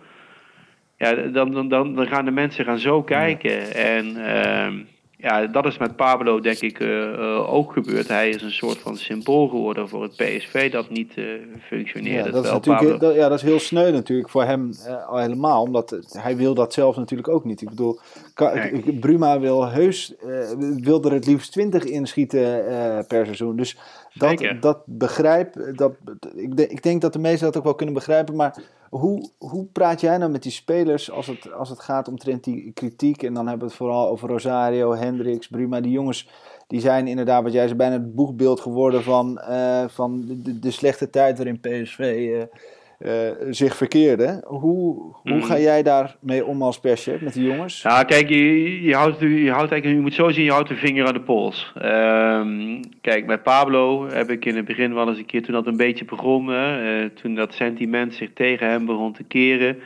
Pablo is punt 1 een, geweldige gozer, gewoon echt een lieve, leuke jongen. Ehm, helemaal niks mis mee. Daarnaast een fantastische prof. En ook iemand die eh, echt wel tegen een stootje kan. En ehm, dus ik heb hem een paar keer ook met hem gesproken. Dan zit je gewoon 's ochtends een krantje te lezen of eh, een beetje te kletsen bij het, eh, bij het ontbijt. En zeg, oh Pablo, het is allemaal wat hè. En zegt hij, ja Thijs, maar dat is de voetballerij. Toen hij, toen hij in het eerste jaar onder Van Bommel als een katapult naar Oranje schoot. Ja. Eh, eh, en tegen eh, Inter scoorde volgens mij met een geweldig doelpunt. Ja. Dat was e- de, de manier waarop hij zich gedraagt is exact hetzelfde nu als en toen. Er zit geen verschil tussen. Die jongen loopt niet naar zijn schoenen, toen niet. En zit die nu niet in een hoekje te grienen.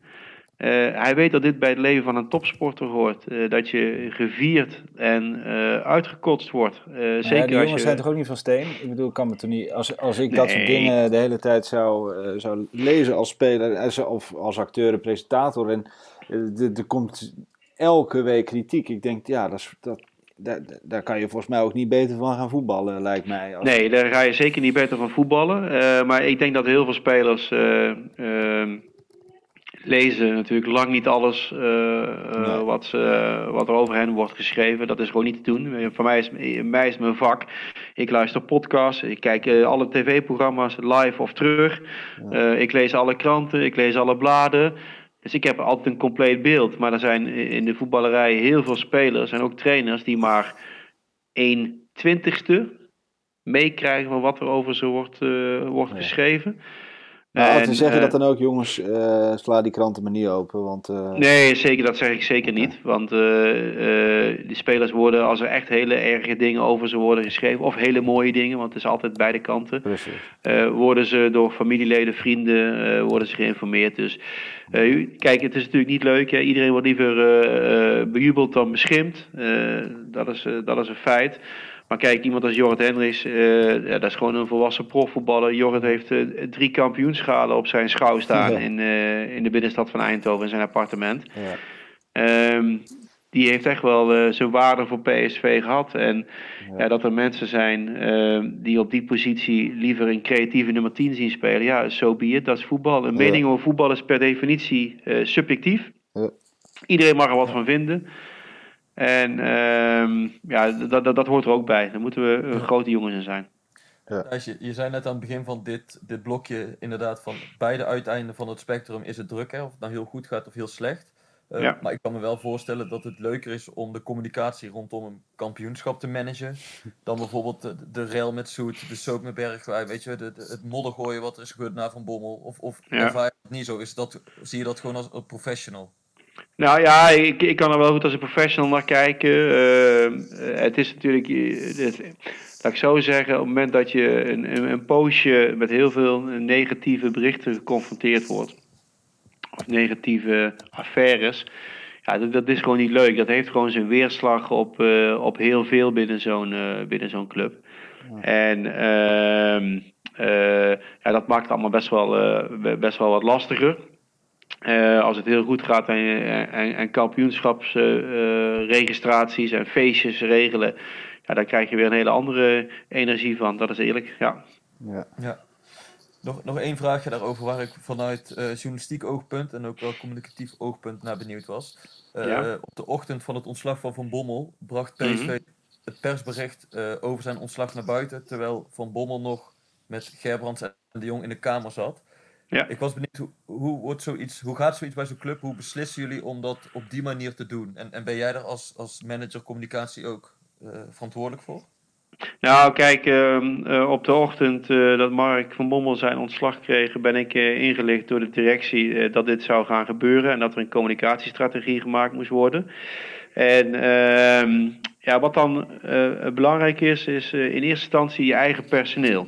Ehm, jullie kunnen je voorstellen eh, hoe zoiets gaat. Hè? De, de algemeen directeur in dit geval eh, belt Mark Bommel en zegt van... wil je alsjeblieft naar het stadion komen in plaats van naar de hertgang rijden?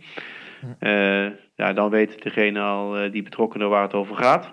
Eh, maar op die hertgang druppelt vanaf eh, half acht 's ochtends het personeel binnen. Staf eerste elftal. En de trainer is er normaal gesproken ook eh, op tijd. En als hij dan niet is, ja, dan krijg je natuurlijk eh, dan, dan, dan, dan krijg je een situatie van hé, hey, wat is dit en eh, hoe, hoe zit dat? Nou, dat wilden wij eh, voorkomen. Dus we hebben op een gegeven moment wisten we dat Van Mommel om, om 9 uur op stadion zou zijn. Dat had hij laten weten. En toen hebben wij onze strategie daarop op ingericht. Om 9 uur zat Van Bommel met Toon Gerbrands en John de Jong. Eh, om 9 uur startte er op de hertgang dus tegelijkertijd een gesprek met de overige stafleden. Waarin werd verteld dat Van Bommel op dat moment in het stadion te horen zou krijgen dat we eh, afscheid zouden gaan nemen van hem.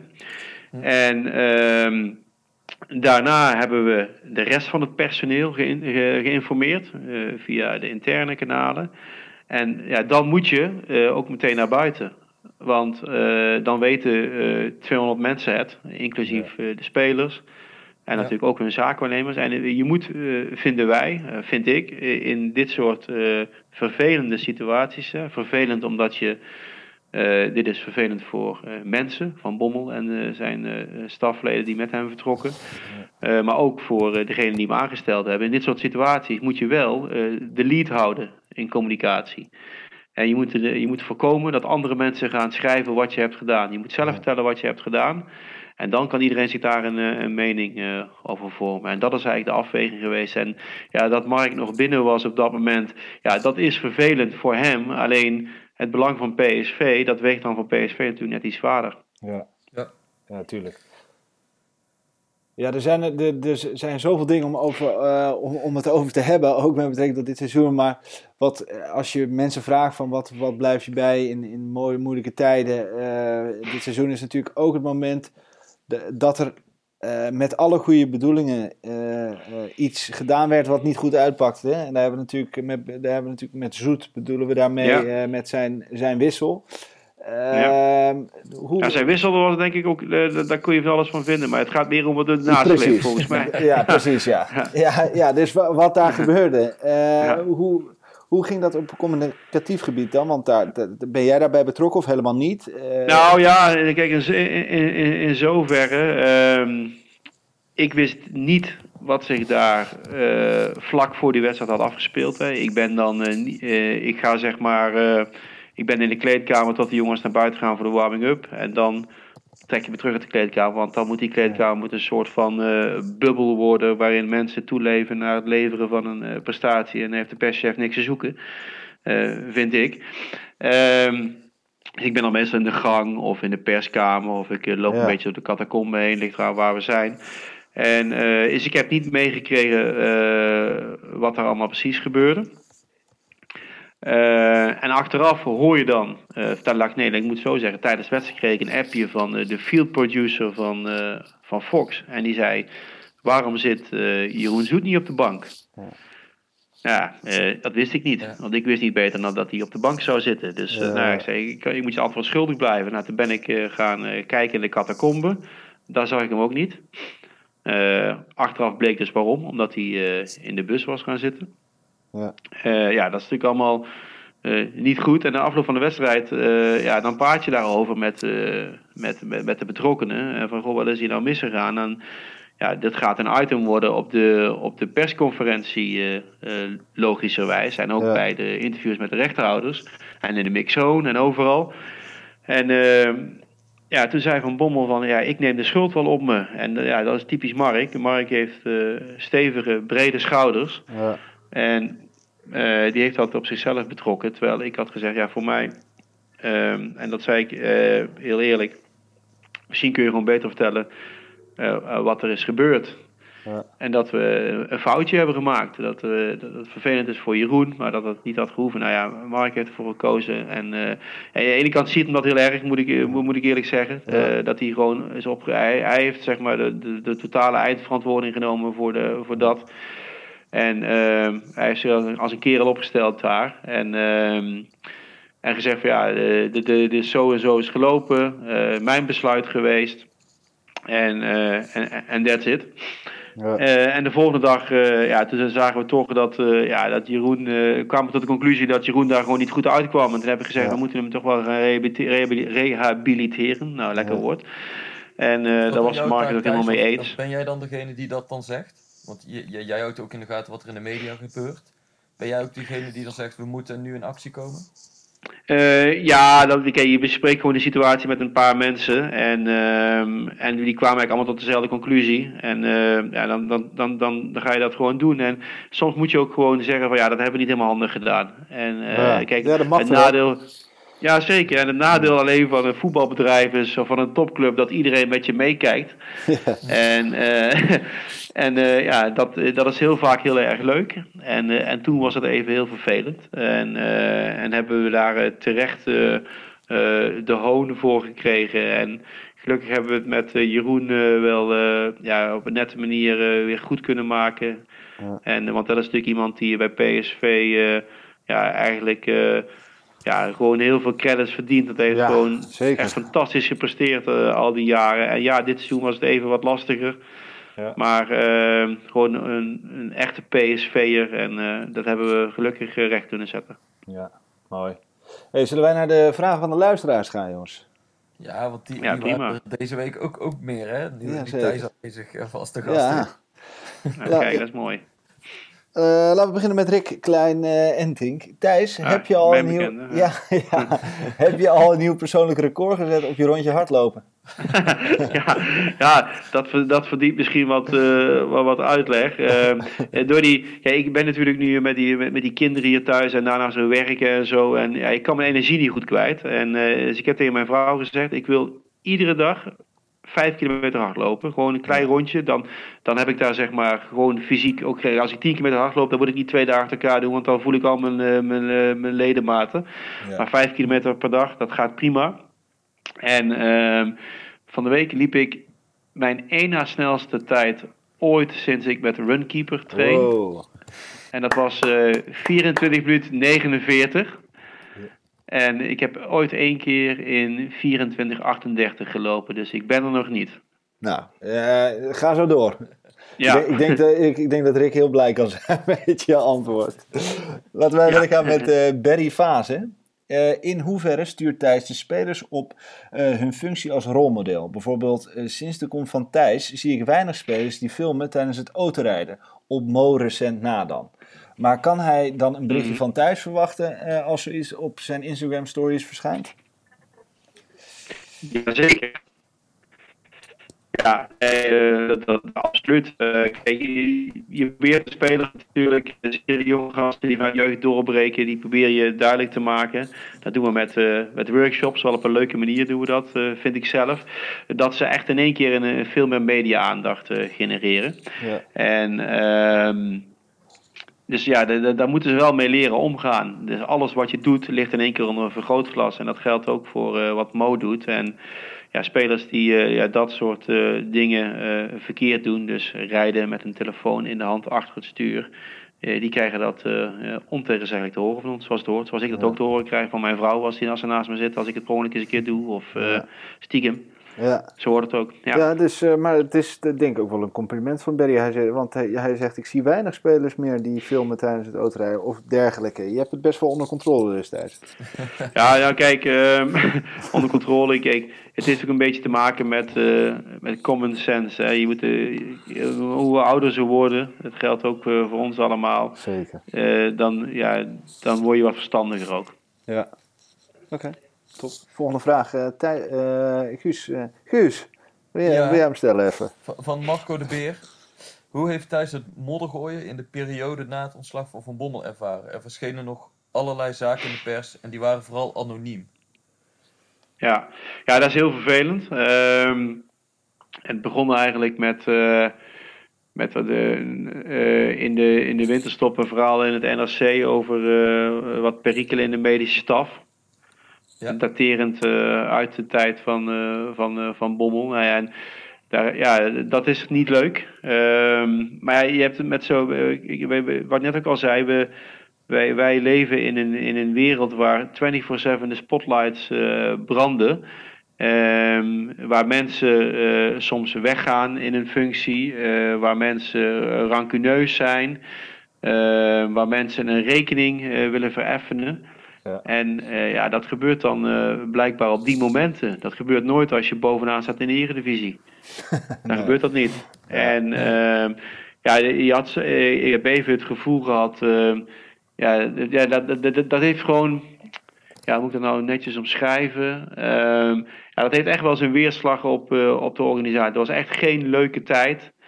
En de meeste journalisten lieten hun eh, stuk eh, ja, van tevoren lezen. Mhm. Ja, en dan denk je er ook van, eh, jeetje, Mina zegt, ja, eh, wat kun je eraan doen? Je kunt moeilijk zeggen van, ja, dit klopt wel, dat klopt niet. Eh, ja, la- laat maar. Ja. En ehm, ja, je moet stilzitten als je wordt geschoren. Dat was voor niemand leuk, voor PSV niet, voor Van Bommel ook niet. Ja. En gelukkig is het ja, na een week of anderhalf is het gaan liggen en ging het weer over voetbal. Ehm, maar ja, nee, dat, dat was gewoon eh, nee, niet leuk. Eh, dat is denk ik het antwoord op mijn vraag. Gewoon heel Ja. vervelend voor alle betrokkenen. En, eh, want wat je niet moet vergeten is dat ehm, eh, ja, de resultaten waren niet goed. Maar dat vonden we natuurlijk allemaal heel vervelend. Hè? Van Bommel voorop, de directie. iedereen baalde daarvan als een stekker. Want je gaat niet voor niks samen een contract aan. Je, je wil samen successen bereiken als je bij PSV, bij PSV werkt. En op het moment eh, dat je moet constateren dat dat niet gaat lukken, Ja, eh, ja, dat is gewoon voor iedereen een nederlaag. ja, Ja. zeker. Oké. Volgende, we zijn er bijna. Profi, ons ook wel bekend. Ja, journalist naar Perschef. Leek het achter de schermen bij PSV totaal anders dan je als PSV-watcher had verwacht? ja. Nou, ik heb wel eens. ehm Cocu heeft mij die vraag ook wel eens ooit gesteld. Eh, toen ik een, eh, een half jaartje of zo in dienst was, zei hij: eh, Wat vind je nou als je zo eh, een beetje om je heen kijkt? En toen heb ik tegen hem gezegd dat ik eh, als journalist het gevoel had dat ik zo ongeveer 70 tot 80 procent van wat zich speelde redelijk in kaart had. En dat is echt een, een grove misvatting geweest. Ik Ja. denk, ja, ja zeker. Wat zeg je? Er gebeurt zoveel meer wat, wat journalisten niet weten of wat ze, wat ze niet Ja. kunnen weten.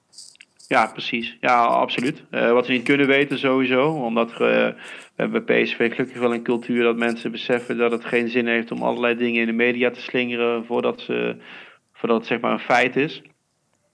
Ehm, kijk, als journalist heb je wel eens zeg maar, een 100% score op bijvoorbeeld bij een primeur voor een transfer. Als je, dan weet je wel, nou dat is het. En dan heb je een, eh, een primeur en dan heb je even die 100% eh, te pakken eh, op dat onderdeel. Maar achter de schermen gebeuren er zo ontzettend veel, eh, veel dingen. Als ik dan zie hoe Marcel Brands en John de Jong letterlijk op, op met zes, zeven dingen tegelijk bezig zijn. En in het einde van de window misschien wel wat 10, 12 dingen tegelijk.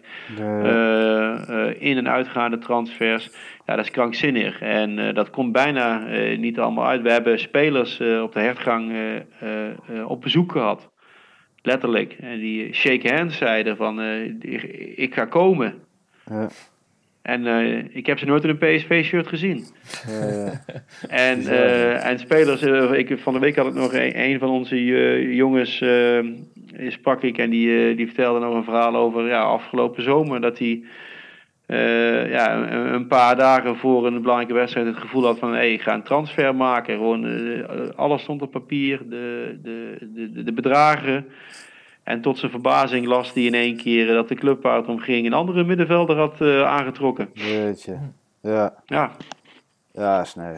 Ja, dus Ja, dat... dat ja, sneu, maar de, de- de- dat is het voetbal, weet je wel. Ja. Er gebeuren er, er zoveel dingen op, op de achtergrond die een journalist niet weet. Ik heb heel vaak als, als bijvoorbeeld ook een, als journalist een mening gehad over een wissel van een trainer. Dat ik dacht van, waarom wisselt hij die gozer nou, weet je wel. Hij Ja, speelt goed en eh, maar dan, nu, nu hoor ik soms zo de, dokter eh, zeggen van ja, hij kan maximaal een uur spelen. ja, En dan kan hij een uur lang goed spelen, maar dan moet hij er echt uit. ja. Nou ja, dat, dat weet je als journalist niet. Ja, dat was met Bergwijn natuurlijk ook wel een ding. eh, dat, dat, je, dat je hem eigenlijk zo hard nodig had, maar dat hij, dat hij toch de hele tijd met die blessure rond Ja, hij was eigenlijk niet fit. Toch? Nee, ja, kijk, hij heeft wat, eh, wat fysieke eh malheur gehad inderdaad in, in, in de laatste maanden bij, eh, bij PSV. Maar hij was natuurlijk ja, zo bepalend voor dat elftal. Ja, dat een trainer dan natuurlijk eh, ook eh, ja, de grenzen opzoekt. hè. En de speler vaak zelf ook. Ja, tuurlijk. En eh, ja, dat, is natuurlijk, eh, de, dat stond ook in het artikel van het NRC. Eh, er is altijd een, eh, een spanningsveld tussen de medische staf en de technische staf. Ja. Dat is er altijd. Absoluut. Oké, eh, Pascal heeft een vraag voor jou. Eh, eh, je hebt bij PSV zowel de hoogtepunten als dieptepunten mee mogen maken. Waar lagen er voor jou als perschef de grootste uitdagingen en kreeg je voldoening uit jouw werk? Ja, ik denk dat we dat ook al besproken hebben, zo'n beetje. Hè. Kijk, ehm, als je praat over. ehm, eh, Nou, wat, is, wat was je mooiste moment als perschef? Om daarmee te eindigen. Dat is toch wel, eh, wat was jouw mooiste Ehm, moment? Ja, ik, ik vond het, eh, het, het eerste kampioenschap wat ik meemaakte bij PSV. ik mocht ook op die platte kar staan. Mooi in een hoekje samen met mijn maatje Eddie Pepels, de Belgische masseur. En Adrie van Doren, de materiaalman, die stond ook dichtbij me in de buurt. Ja, dat, je weet niet wat je meemaakt. En eh, dat is toch wel, eh, het was wel heel bijzonder. En ik heb dat allemaal broodnuchter meegemaakt. Want eenmaal op het podium in het, eh, bij het stadhuis eh, stonden er eh, negen cameraploegen live verslag te doen van, eh, van wat er allemaal gaande was. En dat moet allemaal, die moet allemaal bediend worden met spelers en zo. Ja. Zeg je? Ja, je moest ook nog een beetje werken inderdaad. Ja, precies. Ik heb op de, zeg maar, eh, ehm, de, ik heb twee kampioensfeesten meegemaakt. Ik heb bij allebei de kampioensfeesten heb ik op zondag eh, niets gedronken. Dus zeg maar de dag van het, eh, het feest, Ja. zeg maar. Dat je dus kampioen wordt uiteindelijk. Ja. En op maandagavond eh, pas toen het werk erop zat. Want ik vind Ja. ook gewoon met reguliere wedstrijden. ik vind niet dat je als, als perschef. ehm, als je s'avonds om 11 uur na een wedstrijd gebeld wordt met een vraag over eh, een speler die naar het ziekenhuis is eh, gemoeten of eh, iets negatiefs in de vorm van eh, rellen of iets, dan, kan- dan kan de perschef niet met een dubbele tong een telefoon opnemen. Dat gaat niet. Nee. Dus ik heb toch een, ik drink nooit in een stadion, echt nooit. Nee. Nee. Jij wel, Lennart, hè? Ik drink wel eens een biertje, ja, Thijs. Dat- Jij wel, Lennart, ja? Ik lust er wel een hoor. Ja, je hebt gelijk. Ik lust ook heel graag een biertje en een wijntje, alleen niet als ik werk. En ik vind daarnaast ook wel belangrijk om eh, de grens tussen privé en werk eh, gescheiden te houden. Want op het moment dat je met een taxi eh, naar huis moet van je werk, op eh, Ja. zaterdagavond of zondagmiddag, ja, dan denk ik wel dat, eh, ja, in ieder geval wat mij betreft, is dat niet de, de juiste manier. Nee. Nee. Goed. Dan zijn we er denk ik, Lennart. Ja, we zijn er aan het einde, ja, we zijn aan het einde gekomen van deze mega lange uitzending. Thijs, wat vond je ervan? Ja, heel erg leuk. Eh, zoals jullie hebben ervaren, eh, ik praat heel erg graag over mijn werk. Ik, Ja. ik vind dat ik echt een hele leuke baan heb. En ehm, ja, voetbal is natuurlijk iets wat, eh, ja, wat mij bijna 24-7 eh, boeit. En ehm, ja, ik heb een werk waar, waarin veel mensen, eh, ja, veel mensen in, geïnteresseerd zijn. Ik voer dit soort gesprekken eh, regelmatig. eh, ook in de Albert Heijn. En mensen wel eens vragen van... oh nee, ik moet zeggen de Jumbo natuurlijk. Ehm, nee, dat is flauw. in de frietent. Ook, ook regelmatig van... Goh, wat, doe je nou de hele dag? En hoe zit dat? En hoe zit dat? Nou, ik, vind dat heel erg leuk. Ik, heb, ik, ik werk voor een, een prachtige club in een hele mooie branche. Zeker weten. Ik leer nog eh, iedere dag. Ik heb eh, het geluk gehad om met eh, ex-topvoetballers die trainer zijn geworden. of mensen die in andere functies ja, veel ervaring hebben opgedaan. En ja, die, daar mag ik iedere dag mee werken. Dus ik heb het heel goed naar mijn zin. Dankjewel Thijs. Nou, ik, ik vond het erg leuk. Guus, we hebben ons goed vermaakt hè? Zeker, we zijn eh, de avond weer goed doorgekomen. Ja, hartstikke bedankt Thijs. Hopelijk eh, zien, eh, horen we jou snel weer een, andere keer terug bij onze podcast. Dit was hem in ieder geval voor deze keer. Iedereen bedankt voor het luisteren. Hopelijk tot de volgende. Houdoe en bedankt.